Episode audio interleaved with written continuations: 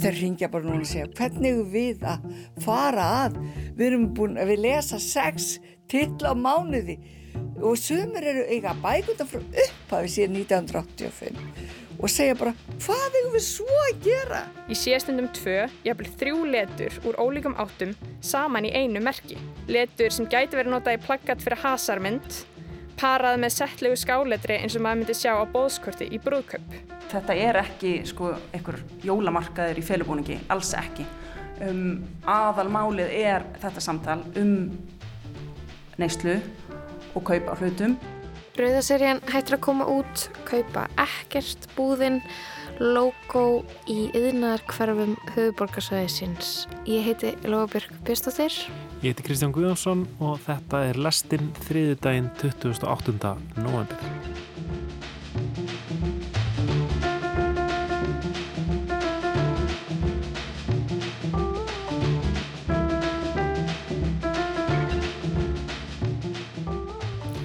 Ætlum að byrja að lestina þennan þriðu daginn á risa fréttum úr íslenskum útgáðu heimi. Já, ein eh, virkasta útgáfa landsins undarfarna áratugi er að hætta útgáfu á sínum velþektu ástarsögum. Þetta eru þetta ásútgáfan og rauða serían sem að uh, hafa komið út í, í nokkra áratugi núna. Þetta eru, já, ástarsögur, kannski stundum smá ljósbláar, spennu ástarsögur um, sem að, já, hafa notið mikil að vinselda en kannski þeirra tími núna komin. Lóa Björk fór og hitti konuna á bakvið útgáðuna. að það er alltaf sagir kringum allt hjá mér. Og, og það er góða við þessar sögur ég ætlis í 76 ár það er að venda vel. En þær eru gríðarlega margar Eins og einhverjir hlustendur getur hafa tekið eftir þá er rauðaserjan að hætta. Littlu vasabækurnar sem við þekkjum úr bónus og sumarbústanum. uh, ástasögur kom fyrstar svo koma ástaabrót svo koma sjúgróðsögurnar svo koma örlagasögur og svo kemur ást og óvissa og svo kemur ást og undirferli þetta eru bara nöfn sem ég bjóð til. 2300 og eitthvað titlar hafa komið út. Rósa Vestfjörð Guðmundsdóttir útgefandi er að velta fyrir sér næstu skrefum, næsta kabla í bókinni sinni. lífið er ekkert ánástar og ekkert án þess að að það endi vel. Við viljum ekki hafa slæman endir í lífinu. Við viljum hafa góðan endir. Ástæðan er svo að rauðaserjan er ekki að seljast nóg. Ekki nóg til þess að reksturinn standi undir kostnaði. blessu og sæl Hæ, Hæ, velkomin takk fyrir að taka mótið mér. Ég kíkti í heimsókn til Rósu í Grárvók og fekk kaffi. Rjóma eða eða mjölk Rjóma. Já, Mamma mín er búin að kenna mig það, sko. og greiningu. þú búin að fatta það mm -hmm. En þú búin að fíkja í þjóðir Já. Ég sé þetta á augunum mm -hmm. Og ég fór í greiningu fyrir barnaböndinni Og svo fekk ég auðvitað að heyra nóg af sögum. Ég er að ná utanum um þetta, sko. Ég skil þig alveg Það er engin náðu þetta með þá Þannig þú skal bara reyna Ég reyni. I'll be coming home, wait for me. Er þetta alla bækurnar svo átt að laga? Nei, nei, nei, nei Hvað er restin af lagarnum? Beiskurstofunni Þú þetta er að sjá hana Harlekin Enterprises gefa út bækurnar sem að Rósa hefur látið þýða og gefið út undir heitinu Rauðaserjan. Þetta er svona seríurnar sem eru búið til seríurnar. Það tekum við stundum sko fjögur ár að búa til eina stutta sexbóka seríu. Það kemur yfirleitt bara ein bók út á ári og það geimi ég þær hérna. Núna til að ferða allt saman. Svo er hérna skrifstofan sko. Og hérna er líka lager af bókum. Ok. Harlekin, Já. Emmitt. Harlekin Enterprise. Það, það, Það er er, draumurinn. Það, það er þarna, þaðan koma þessar bækur, er það ekki? Jú, þetta kemur upphaflega þegar ég byrja á þessu uh, 2000, 1985. Já. þá er bókaútgáfan í Sviss og þar kynnist ég á bókamessunni í Frankfurt þar kynnist ég uh, útgefandunum hann, og, og forstjóru var þá Hans Mæger og bjó í Sviss. Og þetta verður svona rosalega góður vinnu minn. Og við fórum alltaf á skýði ef við gátum í februar fórum við skýði í Sviss og, og, og hittum Hans Mæger í leiðinni. Þetta var æðisleg frí. Ef þú googlar þetta aftur, aftur, aftur þá sérðu það að Milsand Bún þeir byrja fyrstir með þessa bækur og ég byrjaði líka fyrst með Milsand Bún Á Íslandi, já. á Íslandi, já og það er eiginlega upphafið af því ég úlst upp á bókasafn sveitarinnar Veitu hvaðan ertu? frá dröngum og skóastrand Hvað er það? já, bytt á milli Stix og svo Búðardals Ok. það er smá sk- það er smá vegur sem ekki er búið að malbygga en þetta í dag og þar ólst ég upp. Pappi var postur á hestum og skýðum frá Stikisónu norður í staði í Rútafyrði mamma var ljósmóðir. Og sér það að það er ennþá verið að, að, að þriðja vaktin. En er það þriða vaktin? hún er, hún, er, hún er ekki sko við erum búin að vera gift í 59 ár. Já. og við erum ekki ennþá saman um hverju það þrýfa En besta ástarsagan er saga Rósu og Kára. Sko ég hitti manni minn þegar ég er 16 ára, hann er 18 ára og það verður sko svona eins og í sögunum ástu fyrstu sín og, og, og ég læti náttúrulega skýra elsta sonin dag ég sem ég er 18 ára og, og, og öllum fannst þetta alveg klikkað. Þetta getur ekki enst. En hjá okkur er þetta einhvern veginn svona, við tókum strax ákveðna stefnu í lífinu. Við vinnum saman en við erum með línu. Og ég virði hans línu og hann virði mína línu. Og svo fundum við bara hvar við vorum best. Í hverju vorum við góð og ég var góð þess og hann var góður í hinnu og svona heiti samvinna. Saga Rauðuseríunar byrjaði á Akureyri fyrir næstum því 40 árum. En 79 þá er hann uh, orðið svo lítil vinna hjá honum. Ég hafði enga mentun. Þannig að, að við sáum fram á, við, að við byrjum strax á því að skipta á eignin okkar í Reykjavík og hús á Akureyri, langkvælt 31, sem flytjum hann inn 77, bara beint í sama húsið. Og, og hérna, þá er, er við að spá og, og, og Kári kemur heim með dagskrána. Dagskrána var sex síður dagskrána á Akureyri. Og þar er verið auglýst í sölu pínu litla svona fjölrytunastofu eða prentsmiður sem hann var með. Og, og ég segi bara við Kára Kári eigum við ekki bara að pröfa þetta? Við höfum enga að tapa. Og við keftum þetta. Þetta er í oktober 31. oktober 1979 og, og þetta er prensmiðan ásprent sem verður svona stór og mikil og myndaleg. Við byrjum bara það tvö með krakkan okkar þrjá og ég útbjóð lítið leikherbyggi þarna inni í prensmiðinni og þarna var dagskráningin um að sex síður. Og þetta er upphafið af okkar stóra ævintýri. Og við ákváðum strax að þegar við byrjum þarna að þá segir Kári ég sé um brentununa að því það kann ég, þú sér um fjármálinn sagðan og þetta var alveg ótrúlegt ævintýri þarna byrjuðum við strax á að gera bara dagskrána skemmtilega sem er í dag eins og hún er í dag og það var bara nóg að gera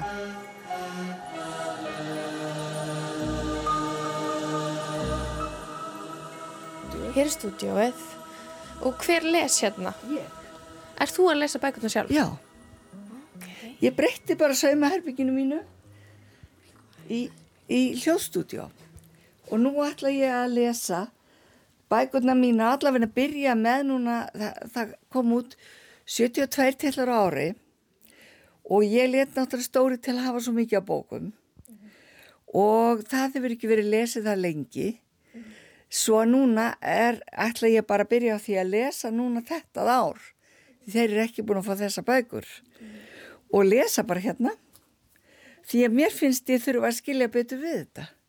Þetta eru mitt fólk. Getur ímynda hvað margir eru búin að ringja Ertu í miklu sambandi við lesendur rauðaseríunar? Já, ég myndi segja það sko, þetta er allt orðið svo heimilislegt eftir öll þessi ár. Og þeir ringja bara núna og segja hvernig við að fara að, við erum búin að við lesa sex titla á mánuði og sumir eru eiga bækundan frá upphafi síðan 1985 og segja bara hvað erum við svo að gera? Þetta er, þetta er hlut af okkar lífi. En, og og hvað, hva, hverju svarar þau? Hva, hvað segir við fólk sem eru uppnámi? Ég, ég segi bara við þá, bækuna mínar eru þá góða, það má lesa þær aftur og aftur. Það er að skemmtilega við þær. þær e, þetta eru allt svona, alveg eins og þú horfistundum á sem er bíomundin aftur. Ef hún er það góð. Já, ef hann er það góð. Og svona eru bækunar. Þær byggist allar upp eins og bíómyndir. Ég, ég, stamaði hún hjálparvanna og var orða vant til að láta í ljós gelvingu sína. Hann hristi höfuðið og dró hann að sér. Síðan þristi hann vörum sínum að munni hennar. Hún í fyrstu að hann ætlaði að kissa hann í refsingar síni, svona til þess að hefna fyrir vandræðilega brottför frá veitingahúsinu. En þannig fór það nú alls ekki. Frá því augnabliki að varir hans numu við varir hennar gjör breyttist allt. Og það sem byrjaði af því sem gælur einar var það ástriðu fullum faðmlögum. Það skipti tópi engumáli þóttu veri stödd út á götu, erindar í róleiri götu, um hábjartan dag. Hún hafði mist allt tímaskinn og afleiðingar hirtu hún ekki um. Og þegar hann loksins lifti höfðinu voru tilfinningarnar nærri búinar að bera hana ofurliði. Komdu nú, hafði hann sagt, dimri röttu og liti hann eftir gangstettinni. Hún fór með honum og síndi engan mótþróa þegar þau komið að litlum stálgráum sportbíl og hann setti hana í framsætið áður en hann gekk fram fyrir bílinn og settist við hliðaðar.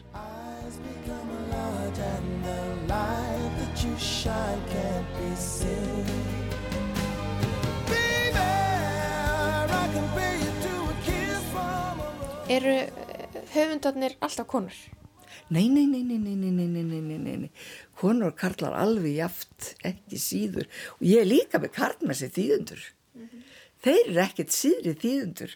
Og þetta er sko, uh, þetta maður og kona, það er, sko, við getum gert það sem við viljum. Við konuna getum það, alveg eins og ég. Ég hafði enga mentun. Ég hafði ekki einu sinni studentspróf. Ég hafði ég ekki skóla, farskóla í sveitinni heima.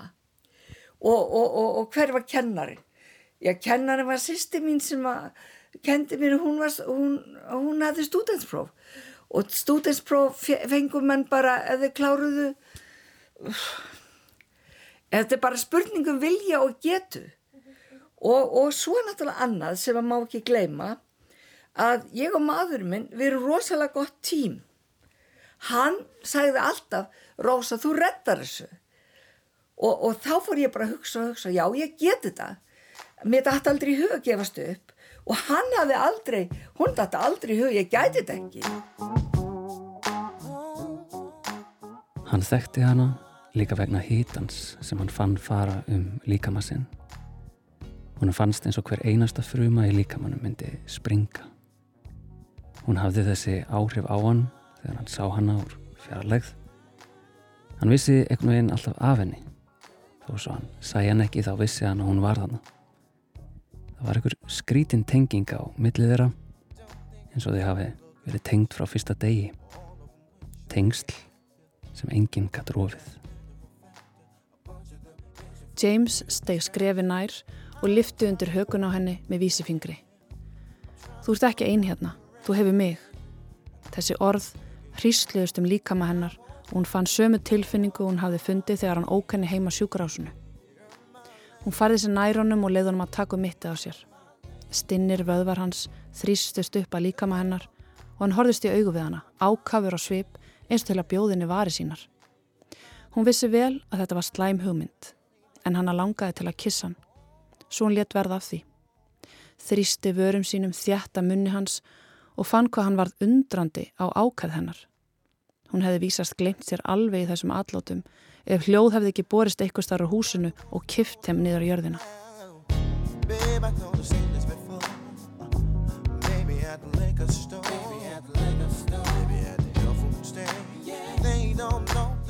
Nafnið Rauðaserjan, er það eitthvað sem að þú býr til á Íslandi eða... Rauða Sirjan.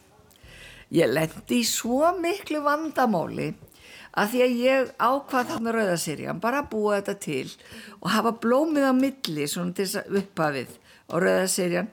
Það var Rauða Blóma Sirjan, var eiginlega hugsað. að maður sést í logoðinu sem bjóti þá.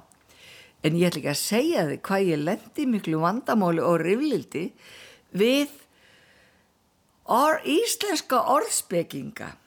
Serja er ekki íslenska. Og fólk var pyrraði við þessu. Ég var tekin svoleiðis á beinið og ég lendi sko á að þurfa að sanna það að þetta væri frá upphafi. Það voru svo miklu mála spekingar í gamla daga og ég náttúrulega gerst aldrei upp og endanum fann ég einhver staðar eitthvað um seríu svo ég fekk að halda nafninu en þvílið sem riflildi var. Vinsælast, það er eiginlega svolítið erfitt að segja sko. ég, það er sko, vinsælist eru náttúrulega seríunar sem að koma allar samar bónuspakkin. Það er bónuspakkin sem ég bjóð til. Það var nefnilega þannig að, að bónus uh, var, var að hætt, ætlaði að hætta að selja bækuna mínar. Og ég bara uh, samþykja ekki þegar menn segja svona við mig við um hætt að selja bækunar. Svo ég útbjóð bara bónuspakkan og bónuspakkin er þannig að það eru allir, allar bækurnar fjórar með tveimu blöðum. Hefur eitthvað tíman einhver Íslandingur skrifað bók í Rauðaserjunni? Nei, vegna þess að samningarnir við Harlikinn var þannig að ég gæfi ekki út neitt meira en bara þá. Að því þeir eru með svo gríðalegt magna út gáðmánuði að þá e, e, gerði ég það ekki. En ég gerði ljóðabækur fyrir hann sýsti mína. Ok, um, þannig að þetta er allt breskir höfundar sem að, eða band, breski bandarískir... Þeir eru eiginlega frá, úr öllum heiminum. Þeir taka uh, allt bara besta og svo skrifa þeir, sko þeir heyr bara með fólki vinnu sem skrifa nákvæmlega eins og ég lætt þýða að þá bara farðu borga þegar þýðingin er búin að þeir fá borga þeir eru búin að skrifa og svo verðaði misjaflega vinsælir. Einmitt, og því vinsalli því fleiri bækur koma út. Já. Ok, þarna, en það er eitthvað formúla, það er eitthvað reglur sem þarf að fyl, fylgja í, í, þessum, í þessum bókum, eða ekki? Jú. Getur upplýst um formúluna? Já, formúlan er svo að á, fyrir blaðsíðu tíu verður að vera eitthvað svo gott búið að gerast að þið langir til að lesa bókina áfram. Og svo kemur sko, svo, svo að því við Íslinga, við erum svo mikið fyrir dula, fullu morðin, svo þannig við viljum ekki fá að vita hver morðingin er fyrir en bara á síðustu tíu blaðsíðanum. Og, og þá við þurfum bæði upphaf og endir, spennan þarf að fylgja allir í bókinni þess vegna get ég svona vita það þegar ég les bókina ok, þessi fyrir þennan flokk og þessi fyrir þennan flokk.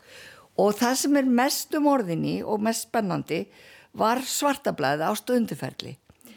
Ást og óvisa þetta var mikið um svona Texasbúa sem gerist í Texas og, og fjölskyldunar við viljum, við viljum fjölskyldunar við viljum ekki bara einn í fjölskyldinu við viljum vita um alla hinn að sjö í fjölskyldunni og svo koma örlagasögurnar. Örlagasögurnar er alltaf svona dulafyllt, eitthvað svona gömulmorð eitthvað sem er að leysa eitthvað gamalt.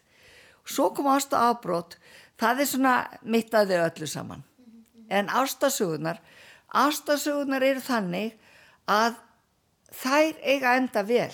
Ég gef ekki út bók nefnum hún endi vel. Vegna þess að við viljum lífið er svoleiðis. Lífið er ekkert ánástar og ekkert án þess að að það endi vel, við viljum ekki hafa slæman endir í lífinu, við viljum hafa góðan endir. Þess vegna langar okkur að lesa eitthvað sem er skemmtilegt og eitthvað sem er spenna því þú vilt halda aðtiklinu alla bókina út. Hún trúði því varðla að hann væri komin aftur inn í líf hennar. Hvers vegna þurfti hann endilega að vera svona fáránlega myndalegur? Af hverju hafði hann ekki sapnað speki og mist hárið eða eitthvað? Nei, hann var grenri og sólbrútni og aldrin hafi farið engar vel með hann. Personutöfranir og þægileg framkoman hafði ekki mingað heldur. Til dæmis hafði hann þakkað hópnum fyrir samvinnuna. Og þegar hann brosti, hann var bara alltaf árið fullkominn. Hún var að hætta að kvelja sjálfa sig. Hún var ekki á markanum fyrir samband, allra síst samband sem hafði misefnast fyrir næstum tveimur áratugum. Eru personunnar og ástarsamböndin sem verða til í rauðsjörínu, er það alltaf kalla kona? Eru einhver hins einn sambönd? Jú, núna upp á síðkastið, þá er það nýtt í bandaríkanum. Við veitum að þetta kemur bandaríkanum núna og eftir það þá var þetta bara alveg klift og skorið. En nú er einmitt sko, nú eru til dæmis síðustu serían hjá mér að þau eru svört og, og það er byrjað að tala um samkynneið en þetta var aldrei nefnt ekki bókon frá New York. Þetta er svolítið svona, það er íhaldsamt. Það er kall og kona saman og... Er, er það ekki? Við veitum hvernig bandarækjumenn eru. Mm -hmm. Þeir eru mjög allt samir og ég hef aldrei geta að hugsa mér hvað mér finnst þetta ó, uh, óuppbyggilegt þannig bandaríkanum. Þeir eru bara svo langt, langt á eftir í hugsun Þetta er fáránlegt, hrópaði Neville öskureiður. Ég átti ekki vona þessu frá henni. Jafnvel þótt hún sé afbreyðisum, en það er ljóst að hún heikar ekki við neitt. Hann borðaði aftur kvöldverð með Karin kvöldið eftir. Fyrrum daginn hafði Karin farið með Lilla í dýragarðin og á vaksmyndasafnið og síðan hitt Neville klukkan átta. Nú klukkustund síðar hafði hún sagt honum frá grön melissu um að Apríl hefði dáið af slísförum og var Karin ákaflega undrandi á viðbráðan hans. Nú er mælirinn fullur, bætti hann við yllur. Ég sver að þetta var síðasta nóttin sem þú gistir hjá henni. Þú verður þar ekki stundinni lengur. Það er augljóst að hún er full hatur svo afbríði og ætlar að hefna sín á mér. Það er ein, eitt sem að mér hef alltaf fundist og fundist leiðilegt alveg frá því að byrja upphafi að, að menta elítan, hún hefur ekki verið sammál um að þetta væru bókmentir og það er það sem mér finnst sorglegt vegna þess, sko, Guðrun og Lundi, hún skrifaði ástarsögur en það er bókmentir í dag.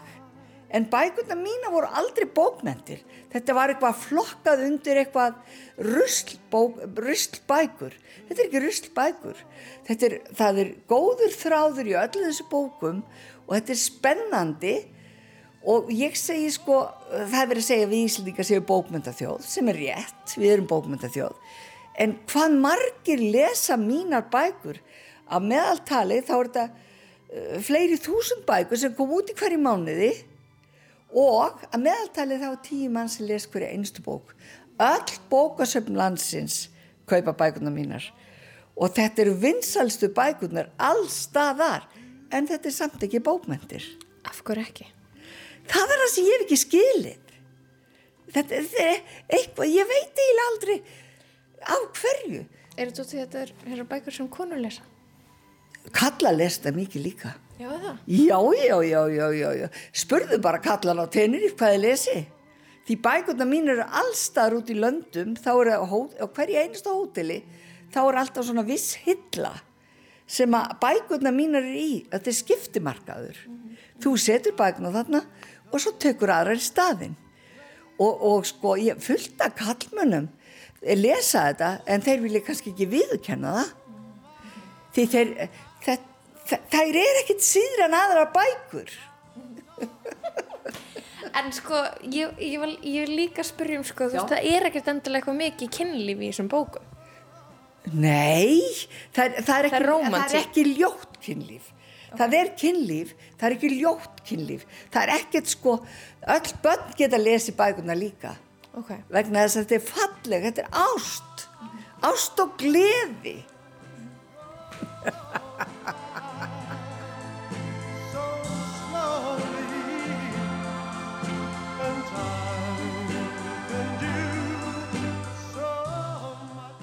Rósa, takk hella fyrir að taka á móti mér til hamingu með rauðseríuna og gági ég vel í, í næstu skrefum, hver sem þau verða. Takk fyrir gullið mitt. Mér finnst þetta æðislega gaman að fá að segja ykkur söguna eins og hún er. Því að mitt lífi er búið að vera ævintýri frá upphæfu til enda og ég vona bara að ég fá góðan endir. Takk fyrir.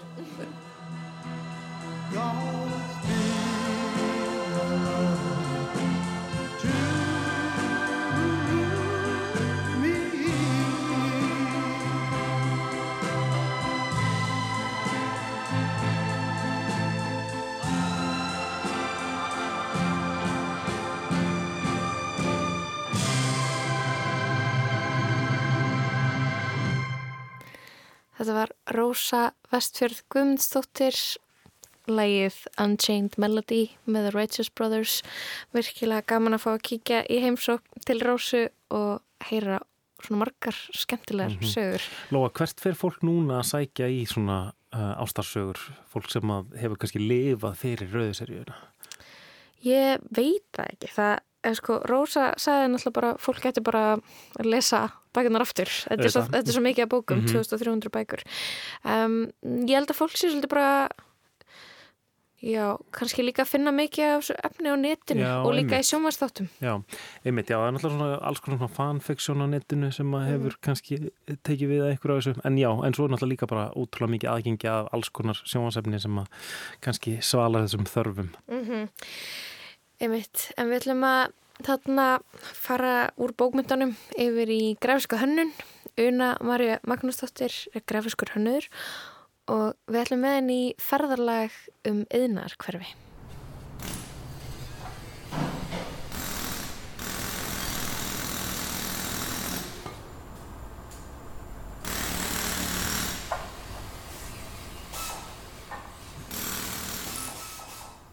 Undanfæran ár hef ég verið hugfangin af merkjum ímessa fyrirtækja sem staðsett eru í yðna hverjum Reykjavíkur.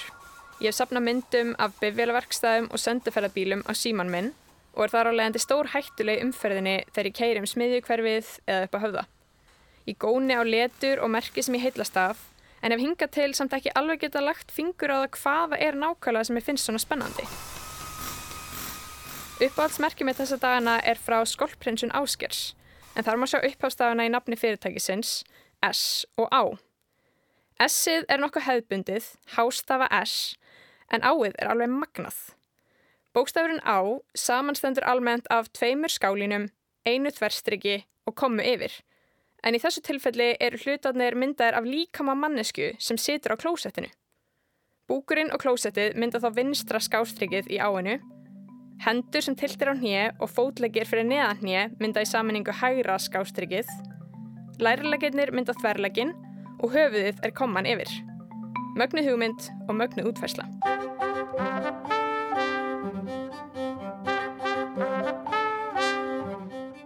Hvað er hér í gangi?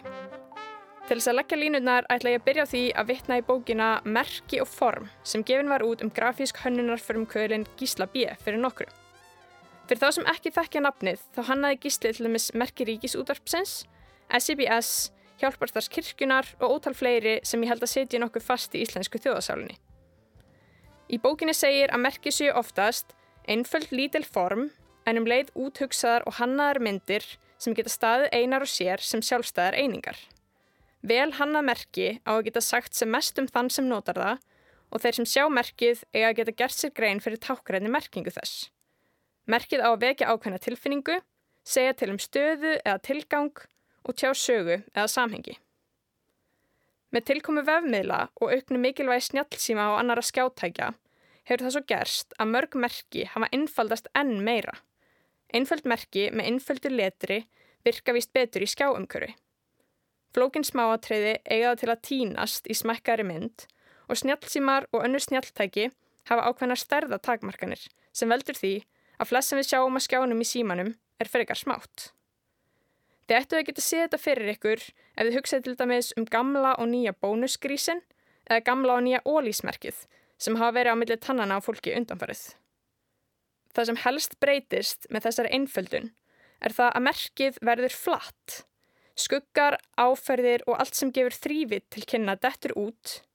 Serifletri eða þverendaletri eins og þau heita á íslensku sem eru letur eins og til dæmis Times New Roman sem flestir ættu að þekkja úr okkar allra besta vörd er skipt út fyrir letur án þverenda eins og Arial sem ætti líka að vera þekkt úr vörd.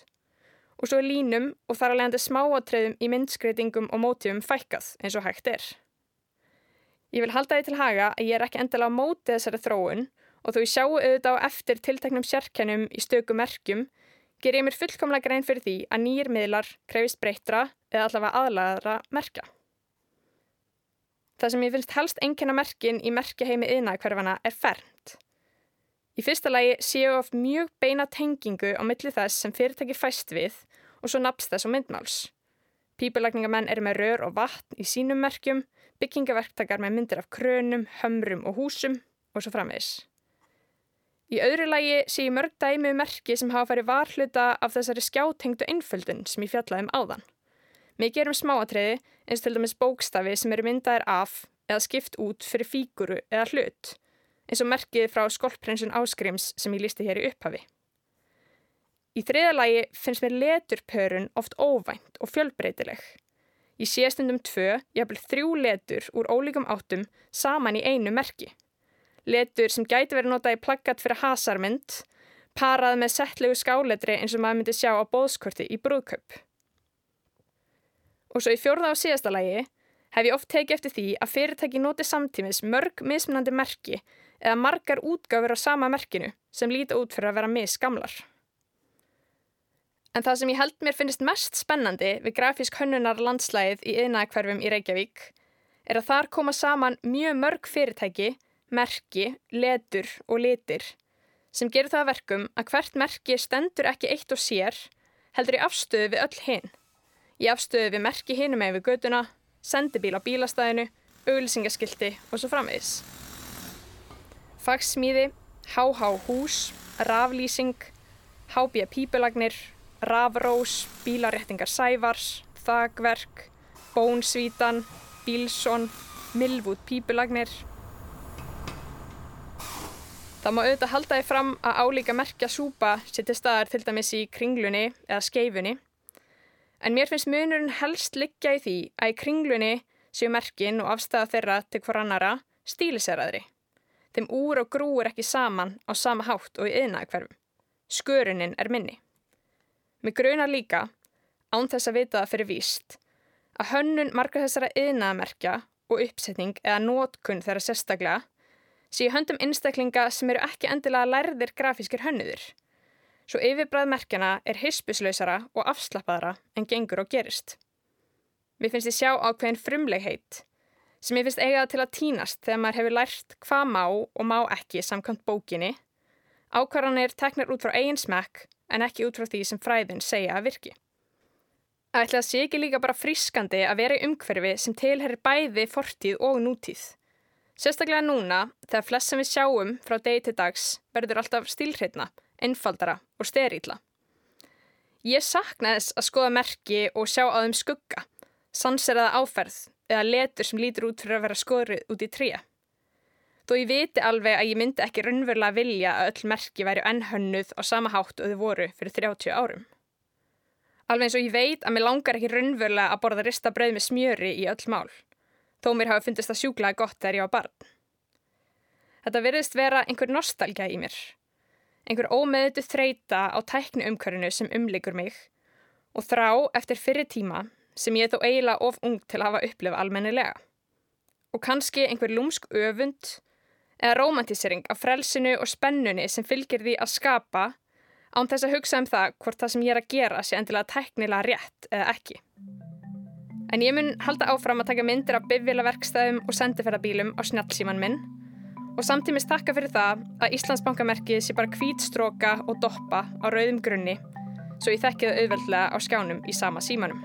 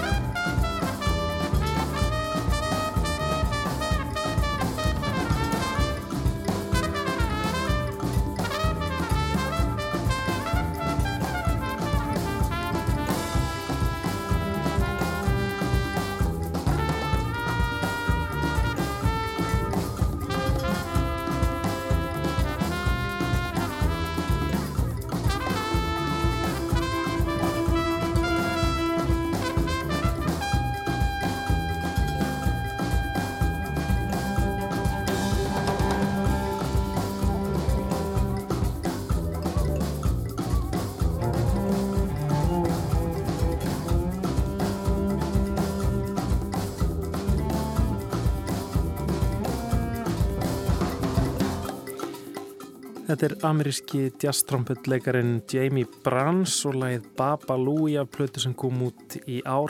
Fly or Die, Fly or Die, Fly or Die.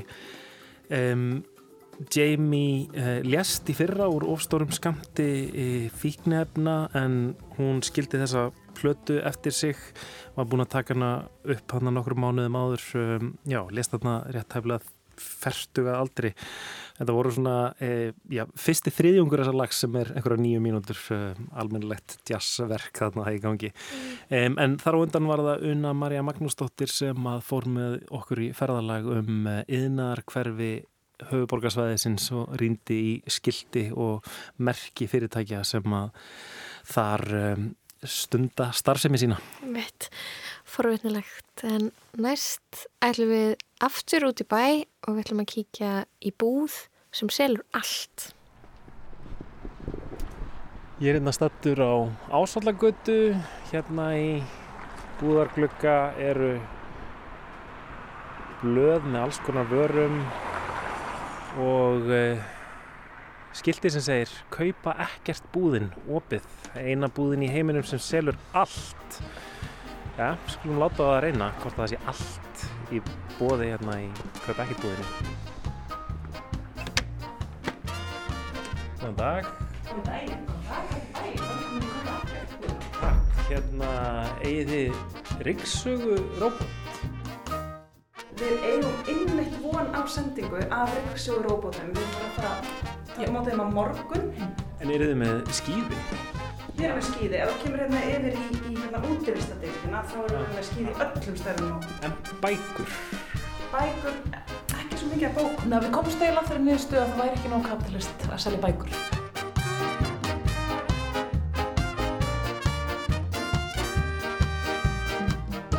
Ég heiti Rán Flýring Ég heiti Elín Elisabeth. og við erum stödd í Kaupa Ekkertbúðinni að Ásvallagötu 49. Hvað er kaupa ekkert búðin? Já, kaupa ekkert búðin er, er eina búðin í heiminum sem selur allt. Bókstaflega allt, við seljum allt, við erum með hrærivélar, við erum með nuttbissur, klakavélar, öryggishólf, brauðvélar. Testlur af ýmsum gerðum, peysur, snirtiförur. Bara nefndu það, við seljum það. En allar vörurnar okkar eru, sem sagt, þær eru þryktar á blað og koma í tveimur stærðum, A5 og A6. Þannig að hér er hægt að svala sko öllum sínum kaup, Þorsta. draumum og þorsta og um leið sko gefa allar drauma jólagjafir landans án þess að sko auka frekar á bæði yfirfulla skápa og geimslur og landfyllingar og urðinarstaði. Þannig að það er hægt að kaupa allt en um leið einhvern veginn kaupa ekkert. Þetta er svona ákveðin mótsögn þannig. Já.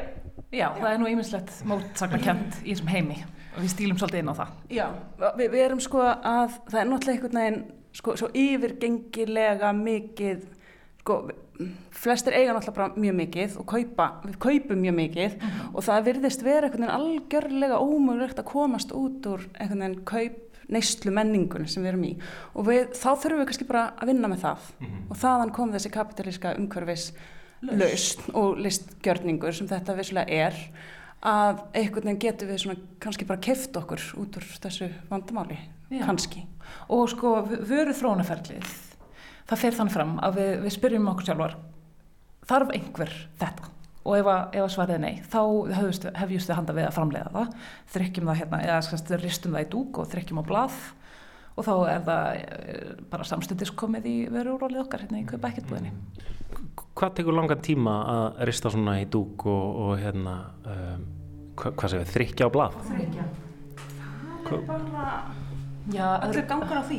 Já, risti parturinn er nú kannski svona hálftími til klukkutími uh, með skissuvinnu, humdavinnu og, og svo er uh, þrykkparturinn, hann fer náttúrulega eftir hversu mikið upplag er í bóði af viðkomandi vöru en það getur náttúrulega verið óendanlegt. Já, þess vegna nýtst við líka við sko þessa svona dúkristu aðferð til þess að geta framleitt alveg ógrinni magns af Tesla-bílum og, og hérna snjallúrum og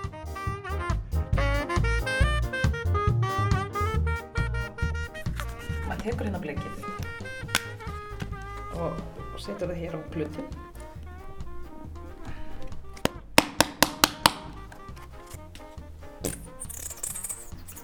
Svona. Svo rúlar maður því svona. Þanga til að rétt hljóð fyrir að heyrast. Nú er það að byrja að koma. Þarna var Þetta er hljóðið. sjávarhljóðið eins og það er stundum kallað. Nú er ég komið með bleikið á rúluna og þá rúlaði ég hérna á dúkin. Hér er sem sagt dúkur sem er búið að rista í e, svona kaffihylki sem að við erum að fara að fjölda framlega. Svona Nespresso eða eitthvað álíka. Já, eitthvað svona í þeim dúr og þá tökum við hérna blað.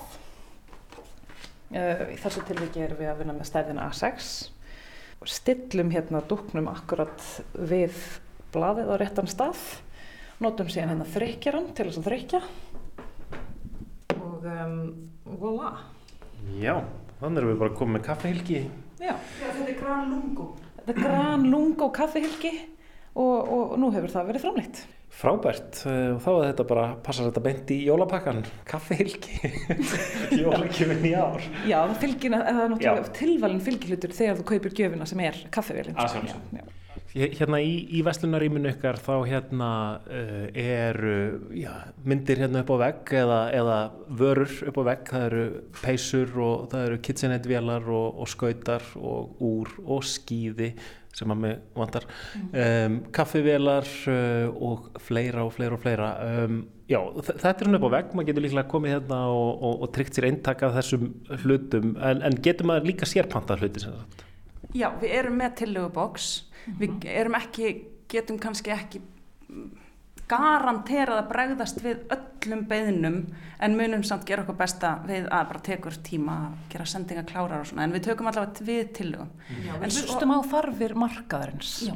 Og, og hvernig eru hlutinni verlaðir hérna? Skiptir að máli mitt hvort maður sé að sérpanta eða, eða fáið svona upp á eh, hérna, kaupi bara af, af lagarnum ykkar hvernig, hvernig ver, verðsetið þessar uh, vörur? Vörurnar kosta bara það sem þú myndir eh, gera ráð fyrir að það kosti í, á markanum yfir höfuð. Við erum hérna með, um, já, til dæmis uh, testlur af ýmsum gerðum og óverðið fyrir eftir því hvort þú sér pantar innrýttinguna í ákveðnum lit, uh, hvaða felgur fylgja og svo framvegis. En Við- það er alltaf á bylunu, það er allt í kringum 7-8 miljónir sko, testlur. Og svo erum við með rosalegt tilbúð á hrærivélum, þær eru 79 og 90. Um, Fylgihlutir eru ekki með því. Nei, fylgirhjóðnir eru ekki með því við seljum þá sér. Svo erum við líka með aðeins vörur á svona læra verði, um, kannski fyrir svona, hérna, fyrir svona fjarskildari ættingja og svoleiðis. Við erum með peysur á mjög miklum afslætti og svo erum við líka með gjafavöru, kerti, konfekt, ostakörfur og svona fyrir vinnustæðin. Þið, þið voruð að opna búðina hvað hérna núna bara uh, fyrir helgi eða eitthvað svo leiðis, eða um helgina, já. Já, búðin er, búðin er, hún er formulega opinn en við erum samt með sko svona opnunar viðborði, opnunar sprengju á miðugdægin klukkan fjögur og svo verður opið út vikuna og, og helgina. Það er fyrir svona. Já, þetta er rauninni einstak tækifæri að þetta eru bara þessi nokkru dagar sem að er opið inn í kaupa ekkert búðinni. Er, er einhver búinn að kaupa Tesla til dæmis hjá ykkur á 7-8 miljónir? Það verður ekki gerst ennþá, við býðum bara spenntar eftir, eftir áhugaðsumum terslu viðskiptvinum.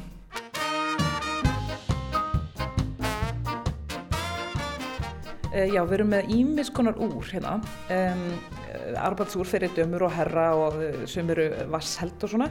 Og þetta hérna til dæmis hátækni arbandsúr mælir streitu, þreitu, stress, blóðflæði, núvitund og slen. Og þetta er á tilbúið hjá okkur uh, að, aðeins uh, 99.990.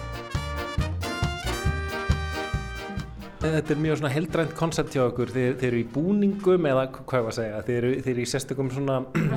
Ve- ve- Já, já, já, þetta er, þetta er heldrænt, heldrænt koncept hérna í, í búðinni, kaupa ekkert búðinni. Við tökum þetta málun alltaf bara mjög alvarlega og það þarf eitthvað, það þarf einhver að bjóða upp á einhverja nýjung í, í hérna, í neyslu samfélaginu og að kaupa hluti er bara alveg ofbáðslega gamaldags á okkar mati. Já. og eða, það er bara jafnvegstæðin það er bara mjög gamaldags að hlaup, kaupa hluti og þetta er eiginlega framtíðin þannig að við tökum við mjög alvarlega að kynna þetta En þetta er svona, mm, einmitt, þetta er kannski svona bara uh, grundvallar eitthvað svona mótsökt kapitalismans að, að eina leiðin til þess að komast út úr einhvern veginn neyslu samfélaginu er að selja aðrar neysluvörur sem að í þessu tilviki eru einhvers konar listaverk eða eitthvað svoleiðis. Uh, hvernig, hérna, er, er þetta eitthvað sem ángrar ykkur eða, eða, hérna, eða er þetta bara eitthvað til þess að leika sig með? Við höfum bara komist að því að maður verður að spila með. Það er bara þannig. Já, og ángriða mann, það er náttúrulega, og, það er náttúrulega býr ímislegt einhver svona tækifæri og það er eitthvað áhugavert í mótsögnum. Hvað er Tesla? Þarf einhver raunverulega Tesla eða er hægt að bara, komið bara splæsið í 7 miljónum krónum Tesla og það er bara eins umhverfisvænt og, og bíl getur orðið á blaði. Það er eitthvað sóknarfæri í, í þessu. En svo er þetta náttúrulega líka orðin eitthvað svona, hérna, við erum bara, bara pikkföst í í þessum kultúr. Og þá einhvern veginn getur maður annarkvort grafið sér í fönn eða bara spila með. Og við einhvern veginn ákvaðum að spila með. Já, bara nota uh, orðfæri og tól kapitalismans til þess að tala um að nota við. Mm. En fólk vantar samt ennþá einhverja hluti eða ekki? Eða ég meina hvernig, hvernig baka ég jólakökuna ef ég á ekki kitchenit vilna Já, en sko málið er auðvitað vantar okkur hluti og það er dásanlegt að gefa hluti líka, okkur langar að gefa og suma hluti þurfum við að eiga og það er allt gott að blessað. En sko þurfum við aðra vél, þurfum við nýja vél, þarf að búa til, ég meina, kaffi, hilkakaffivélar til dæmis. Það eru náttúrulega allt vörur sem að hérna nutt vélar.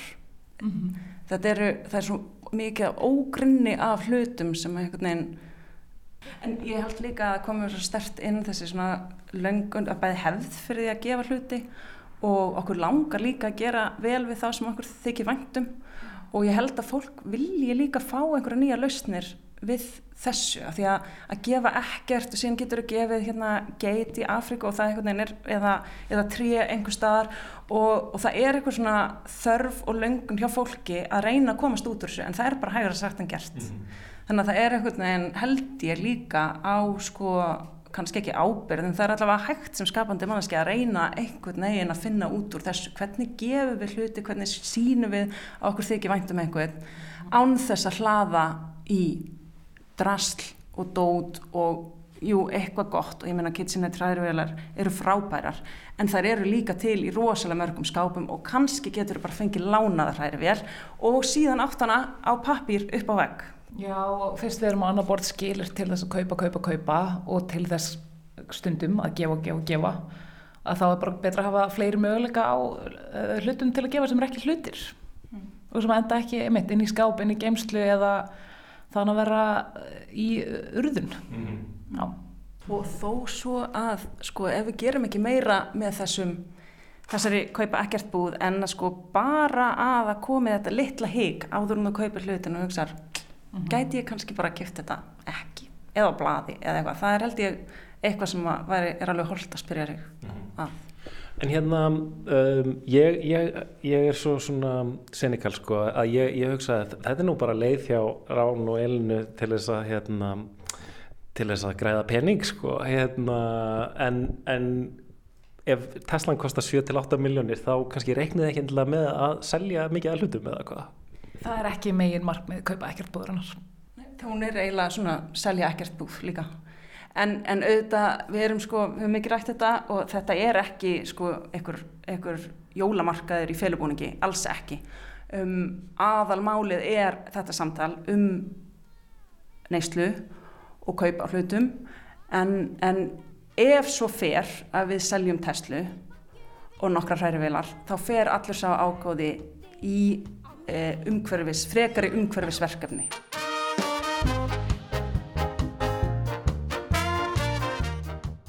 Við erum til dæmis með netta og flotta klakavél, 1,5 eh, lítri svört, gerir 70 klaka á klukkstund og þessi er á 12.995 og svo erum við með krem, krem, krem, mikilvæg krem fyrir þína dýrmætustu líkamsparta. Og þetta er á tilbúði hjá okkur líka á 7990. Elin Elisabeth, Rán Flýring, takk kærlega fyrir að taka mótið mér hérna í kaupa ekkert búðinu og gangi ykkur vel að, að selja sem allra minnst. Já, takk fyrir innlitið og verðt velkomin í opnun og sprengja á miðdag.